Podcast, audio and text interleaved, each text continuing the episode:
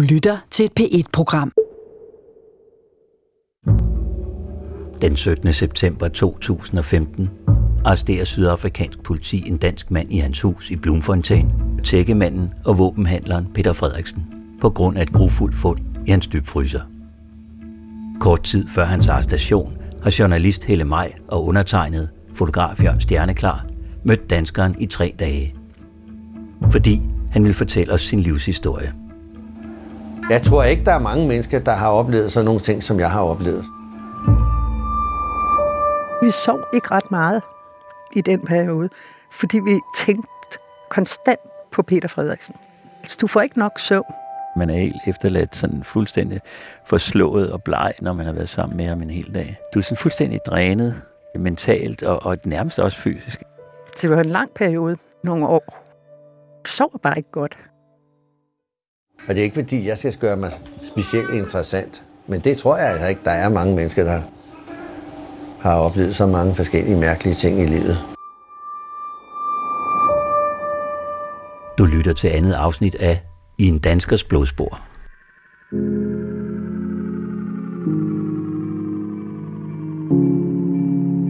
På et tidspunkt går politiet ud i pressen og beder offentligheden om hjælp. Jeg ringer til chef efterforskeren for at høre nyt i sagen. Men ender med den dag at skifte rolle fra at være journalist til at være oversætter for politiet. For Peter skrev dagbøger. Jeg har jo her min bog her. Jeg skriver alting ned.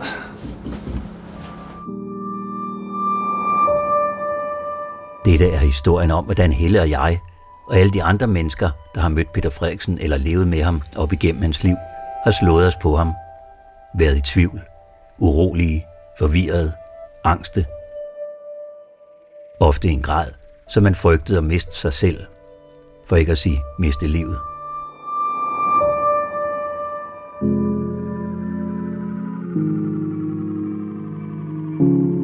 Det er aften, da det banker på døren. Udenfor står to politimænd. De har lige tilbagelagt de 1100 km op fra Bloemfontein og herned til vores hus i Cape Town. For at overrække mig en krokodilleskinsmappe og en meget stor, hvid plastikpose. Det er bevismateriale i sagen mod Peter Frederiksen. Da politifolkene er kørt, åbner jeg Peters mappe. Den indeholder en masse kalendere og dagbøger. Mens jeg sidder på gulvet og hiver dem op, dukker en mærkelig lugt frem. Sådan som ens tøj lugter, når man har siddet ved et lejrbål. Det kommer fra den hvide pose. Jeg får sådan en ubehagelig fornemmelse i kroppen af, at der måske ligger noget i den pose, jeg ikke har lyst til at røre ved. Det første, jeg hiver op fra den hvide plastikpose, er en lille hvid flamingokasse. Den indeholder fem små flasker med medicin. Rompun står der på etiketten. Jeg googler navnet. Det er dyre medicin, som mest bruges til at bedøve svin. Men Peter Frederiksen har ikke svin i Sydafrika. Han har en våbenforretning. Og jeg tænker bare, Peter, hvad har du haft gang i? Der er også to champagnepropper i den hvide pose. Og nogle små medicinglas med væske i. Xylokain står der på glasene. Købt på Holte Apotek og Helsinger Apotek, kan jeg se. Og så helt nede i bunden af posen ligger et sort papmaché-aftryk af en lille piges underliv. Altså en sort piges underliv. Det er derfra, at duften af lejerbål kommer. Som om den sorte farve er lavet af røgen fra et bål.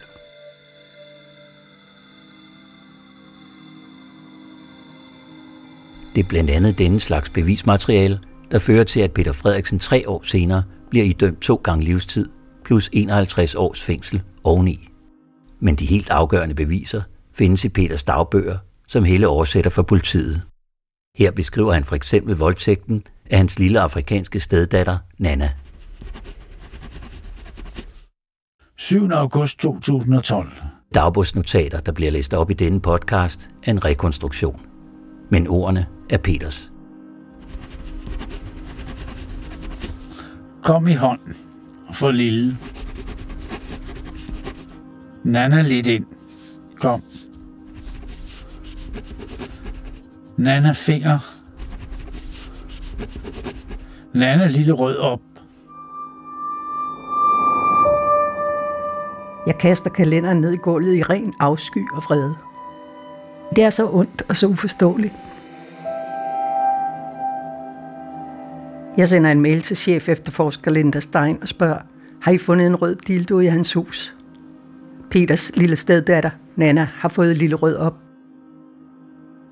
Linda Stein svarer i en e-mail, at ja, de har beslaglagt en rød vibrator fundet i en skuffe i Peters natbord.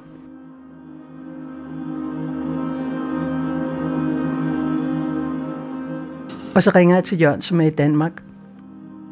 Helle ringer til mig og siger, nu skal du høre, hvad jeg har fundet. Nana Lille Rød op. Og så siger jeg til hende, okay, det er fint. Så arbejder vi sammen med politiet. Nu går vi efter ham. Det er jo sådan en dyrisk drift. Jeg kan vide, hvad, hvornår han har fået nok af alting. Chefpsykolog Tine Vøbe for Psykiatrisk Center på Sankt Hans arbejder med kriminelle psykopater. Hun kan af etiske årsager ikke lave en fjerndiagnose på Peter Frederiksen. Men vi har bedt hende fortælle os om mennesker, som handler helt anderledes, end vi andre gør. Virkeligheden, når man kigger på ham udefra, sådan med en psykologs øjne, så tænker man, at det er en mand, der ikke kan tilfredsstilles. Hverken af, af våben, af spænding, af at bo i et farligt land, af kvinder, af ægteskaber, af at få børn, af perversiteter og ekstremiteter. Altså det, hvornår nok nok?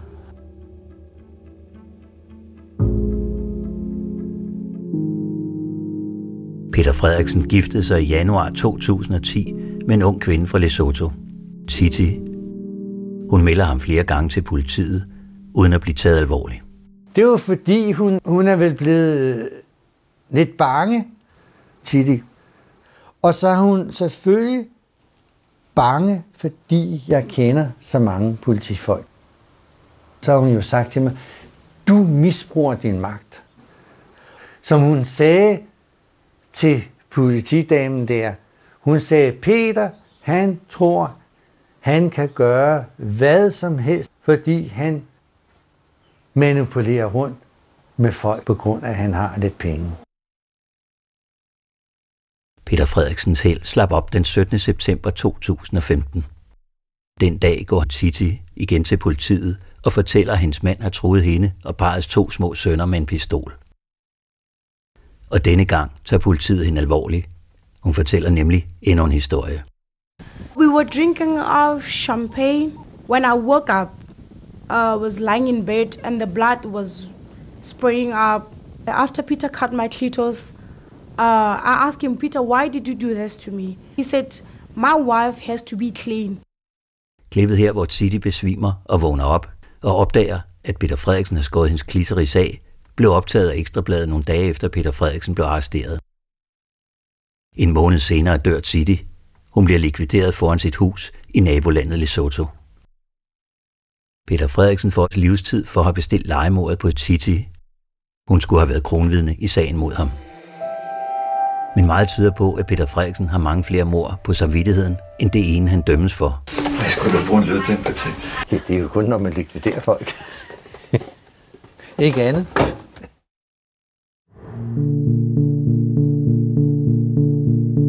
Da vi lander i lufthavn i Bloemfontein, og for første gang ser efterforskeren Linda i ankomsthallen, så er hun omringet af tre politifolk med skarplatte våben, toptrænede politifolk. Så viser det sig, at Peter Frederiksen har sagt til en medfange, at han vil få anklageren og chef efterforsker Linda Stein likvideret. Og der ændrer historien sig for os begge to, for jeg bliver nervøs på Helles vegne, fordi hun arbejder for politiet. Kan han også få slået mig ihjel?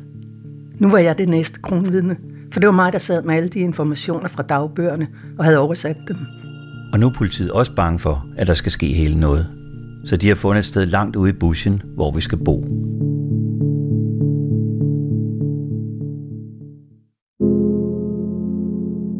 Jeg fortæller politiet, at der i alle digitale billeder er noget, der hedder EXIF-data. Der kan man se, hvilken dato og nøjagtig tid billedet er taget. Så Linda Stein beslutter sig for at give mig alle Peters digitale billeder og også hans mobiltelefon. Så vi kan sammenligne de data med det, Peter har noteret i sin kalender eller dagbøger. Samtidig får Helle enormt mange af Peters private papirer, som politiet vil have oversat. Det er let som at lægge et puslespil. Sådan et med 5.000 små brikker med en hel masse ens blå himmel. Nu har vi hans kalender, hans billeder, hans private papirer, kopier af post-it-sædlerne fra fryseren, og så vores 12 timers interview på bånd fra de der tre dage, vi var sammen med ham. Det er jo vildt spændende.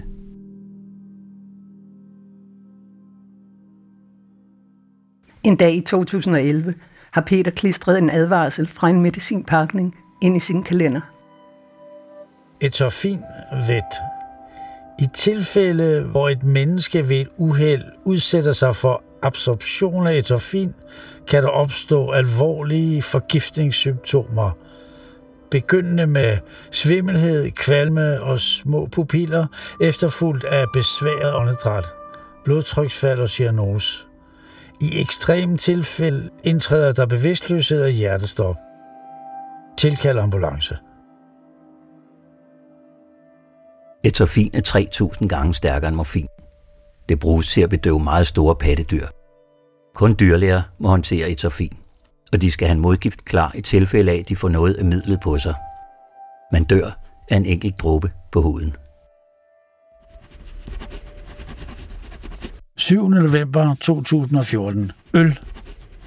Etofin må være for gammel. 8. november 2014. Øl. Etofin. 24. november 2014. Lidt i øl. Han blev meget svimmel. 25. november 2014. Peter syg. Har han hældt gift i en mands øl? Jeg ved godt, der er en mand, som hedder Peter Carli, og han er død.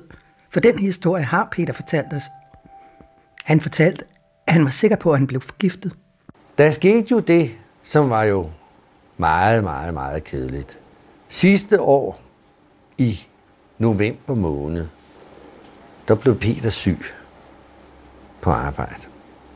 Han kastede op, og han sagde, der er et eller andet helt galt med mig. 24. november 2014. Lidt i øl. Han blev meget svimmel. Nå, men det blev så tæt på jul, og, og vi havde aftalt, at vi skulle holde en lille julefrokost. Vi tog så ind til Lansers ind og fik lidt at, at spise og et par flasker vin.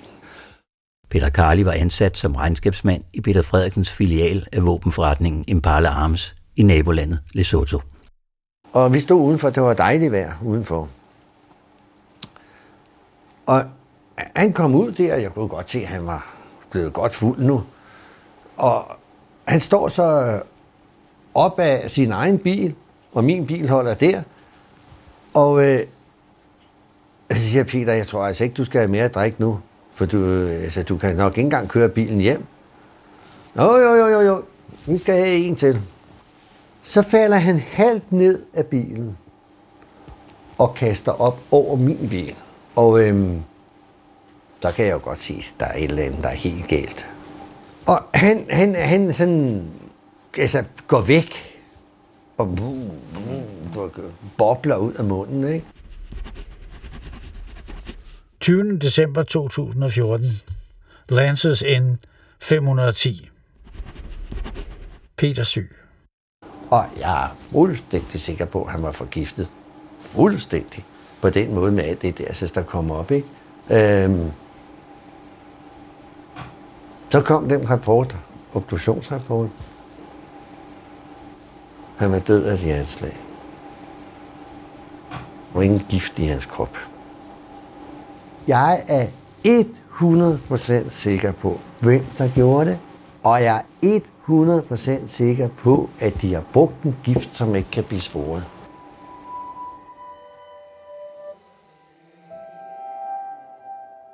Vi havde jo en væg nede i soveværelset med en masse gule lapper for at holde styr på Peter Frederiksens forskellige forbrydelser. En af kolonnerne havde overskriften drab. Her stod tit allerede. Nu kom Peter Karlis navn også på.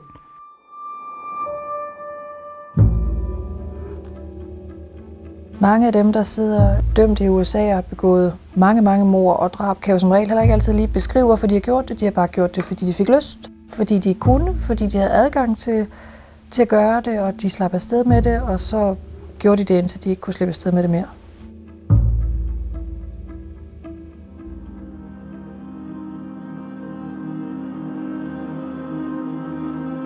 På et tidspunkt i det her forløb laver anklagemyndigheden en kæmpe fejl. De sender al mailkorrespondence mellem Hele og chef efterforskeren, også deres private mails, til Peter Frederiksens forsvarsadvokat. Vi har ellers en hemmelig adresse, men nu ved han, hvor vi bor. Og han ved også, at vi har lavet den her væg nede i vores soveværelse.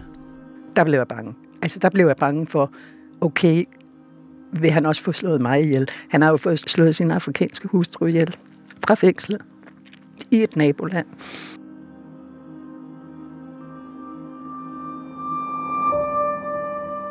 Noget af det mest mærkelige, jeg oplevede, det var, da jeg sad og vidnede mod Peter Frederiksen i 2017. For pludselig begynder hans forsvarsadvokat at spørge ind til vores væg i soveværelset. Og så spørger han mig direkte, om jeg mener, at Peter hældte gift i Peter Cardis øl. Og jeg svarer ja, og dommeren fatter intet. For Peter er slet ikke anklaget for det drab, fordi det skete i Lesotho. Så siger forsvarsadvokaten, at Peter Frederiksen aldrig har kommet etofin i nogens øl. I retsudskriftet kan man læse forsvarsadvokat Marius Brivers forklaring på, at hans klient har været i besiddelse af etofin. Han siger, mine instrukser er, han ville have etofinen fra en dyrlæge i Danmark, fordi der var et meget stort svin, som havde fået en ledning i munden. Etofen blev aldrig brugt som morvåben.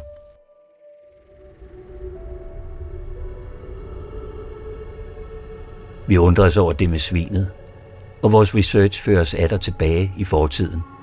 Til den gang i 1991, hvor Peter Frederiksen ejede en stor gård i Gammel Holte.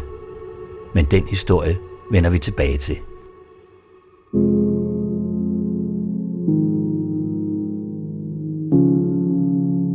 Jørgen er ude at rejse, da jeg får et foto fra Linda Stein på min mobil. En hvid mand ligger og sover på et verandagulv med hovedet på en pude og med et lyserødt tæppe over kroppen. Ved hans side ligger en fyldepind. En hvid kvindes hånd hviler over hans bryst.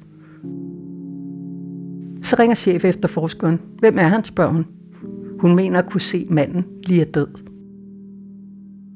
Som vi sidder under den der lappe, så rejser han sig helt op i stolen og siger, nu dør jeg. Historien om den døde mand dukker også op i Peters kalender. 22. december 2007. Dansk frokost. Torskerovn og fire vodka. Ikke sagde du er død. Resten af familien ankom. Manden på billedet døde den 22. december 2007. Han var svigersøn til en ældre kvinde, som Peter boede sammen med i Sydafrika. Enken Alta. Alta og datteren havde jo lavet dejlig frokost med alle de der forskellige sild, jeg havde taget med fra Danmark. Og han kunne godt lide den sild der. Han ville ikke have noget brændevin, men han ville godt have en øl. Og så døde han. For en børn og kone og os. Og jeg forsøgte jo at lave førstehjælp på ham. Der var intet at gøre. Han var fuldstændig blå i hele hovedet. Og vi puttede tæppe over ham.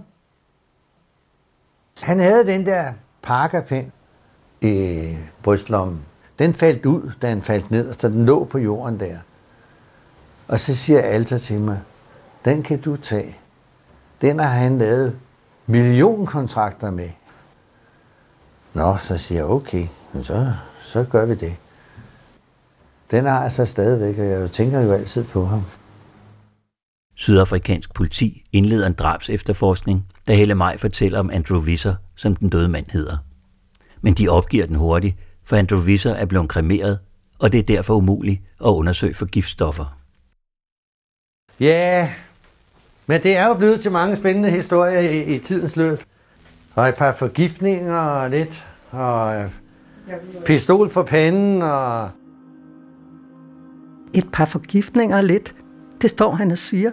Og vi reagerer overhovedet ikke. Jeg kan kun forklare det med, at vi ikke tog ham alvorligt dengang.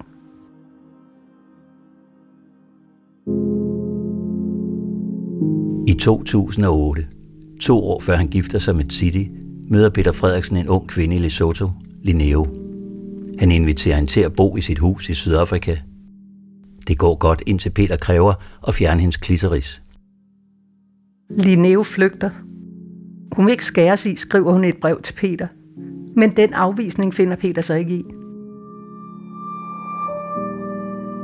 Et år senere bestiller Peter Frederiksen et legemord på Linneo. Det gør han hos en kvindelig heksedoktor i Lesotho.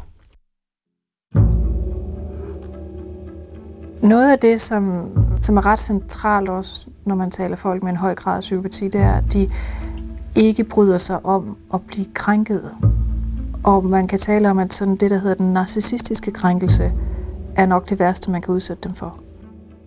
Fordi det piller ved deres selvbillede og deres grandiositet. Og det er også der, hvor man kan opleve, at de kan blive øh, ekstreme eller farlige for deres omgivelser lige pludseligt, og hvor man ikke måske havde forudset, det ville ske lige der. Opgaven det er, at øh, hun skal øh, rydde sig vejen. Nå, men det kunne hun snilt klare. Det her, hun havde taget mange mennesker væk. Hun skulle bare have 1.500, så skulle hun nok klare den opgave. Og den historie er jo bare for vild, ikke? En afrikansk heksedoktor, som en dansker hyrer til at slå en ekskæreste ihjel, fordi hun ikke vil have skåret sin klitoris af. Så ja, ja, men jeg skal nok klare det der. Så de må jo have fået fat på en anden gut, som de arbejder sammen med, en gangster. Han havde så en pistol med, og han skulle så skyde den jo. Og han var så nervøs for, hvad han nu engang skulle gøre. Så da han tager pistolen frem, så skyder han sig selv i benet med pistolen. Politiet bliver tilkaldt. Manden, der skød, fortæller, at det er en heksedoktor, der har hyret ham. Hun bliver anholdt og oplyser, at det er en hvid mand, der bestilte hende til jobbet. Peter Frederiksen bliver arresteret og tiltalt. Han kommer ud mod kaution. Og så bestikker han dommeren til at få sagsakterne til at forsvinde. Så kom dommeren øh, til Blomfontein, og så siger han, ja, det er jo også noget værre roderi, det her. Så, hvad skal vi finde ud af, sagde han så. Ja, vi skal finde ud af, at den sag, den, bliver, den, den, den kommer væk. Simpelthen. Så siger han, hvor meget må du give mig? Ja, så hvad skal du have? Så siger han, giv mig, giv mig 4.000. Ah, du får 3.500. Men øh, nu må jeg jo være sikker på, at det er det originale. Ah, nej, nej, nej, nej. Nu tager vi sammen og river det i stykker og brænder det.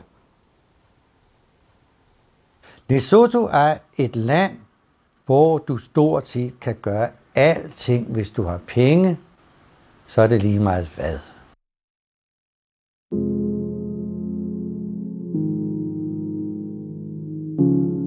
Vi møder Linneo i Lesotho. Hun bekræfter drabsforsøget og fortæller, at hun derefter går under jorden. Et øje for et øje, sådan er han. Og da han ikke kan finde Linneo, så laver han en plan B.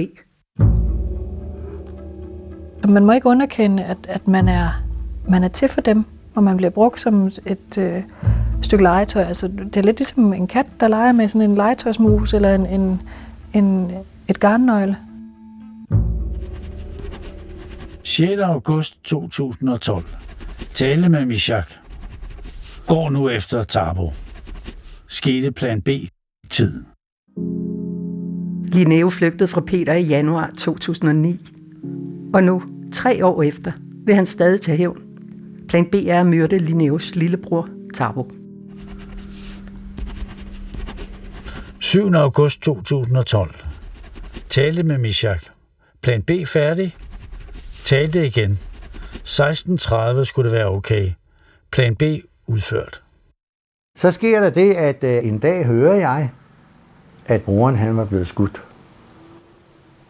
Nogen fandt ham om morgenen, han var skudt i maven og i hovedet og var død. Jeg blev aldrig nogensinde kaldt ind til noget som helst politi angående den sag. Aldrig. Vi taler patologisk løgnagtighed, når man taler ekstreme grader af psykopati, hvor det er, at de lyver fuldstændig uden blusel og uden, uden, øh, uden ansigtsmimik. Men der er slet ikke noget, man kan se på dem. Det, det forekommer bare. Og, og du opdager det først langt hen ad vejen, at du er blevet løjet for, hvis du overhovedet opdager det.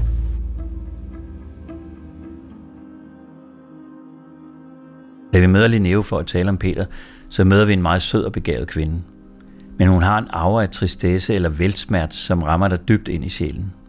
Hun har det ligesom os. Hun fatter ikke Peters tankegang. I 2014 brændte hendes hjem ned. En påsat brand. Hun er sikker på, at Peter står bag. Jeg tjekker Peters kalender fra 2014 og kan se, at han har noteret, at Linneus hus er brændt ned den 28. september.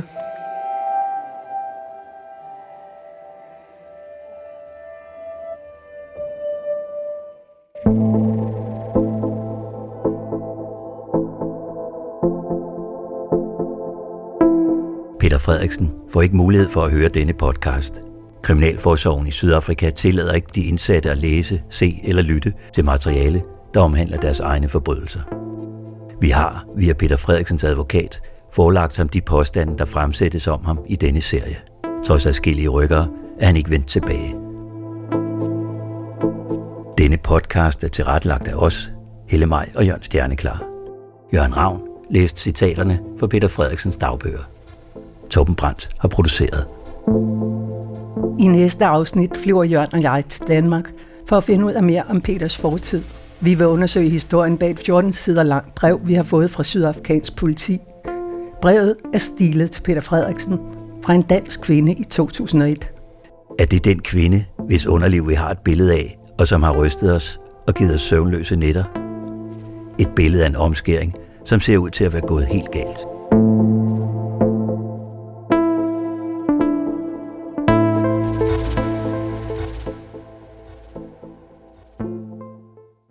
Du kan finde alle P1-programmer på dr.dk-p1. Det giver mening.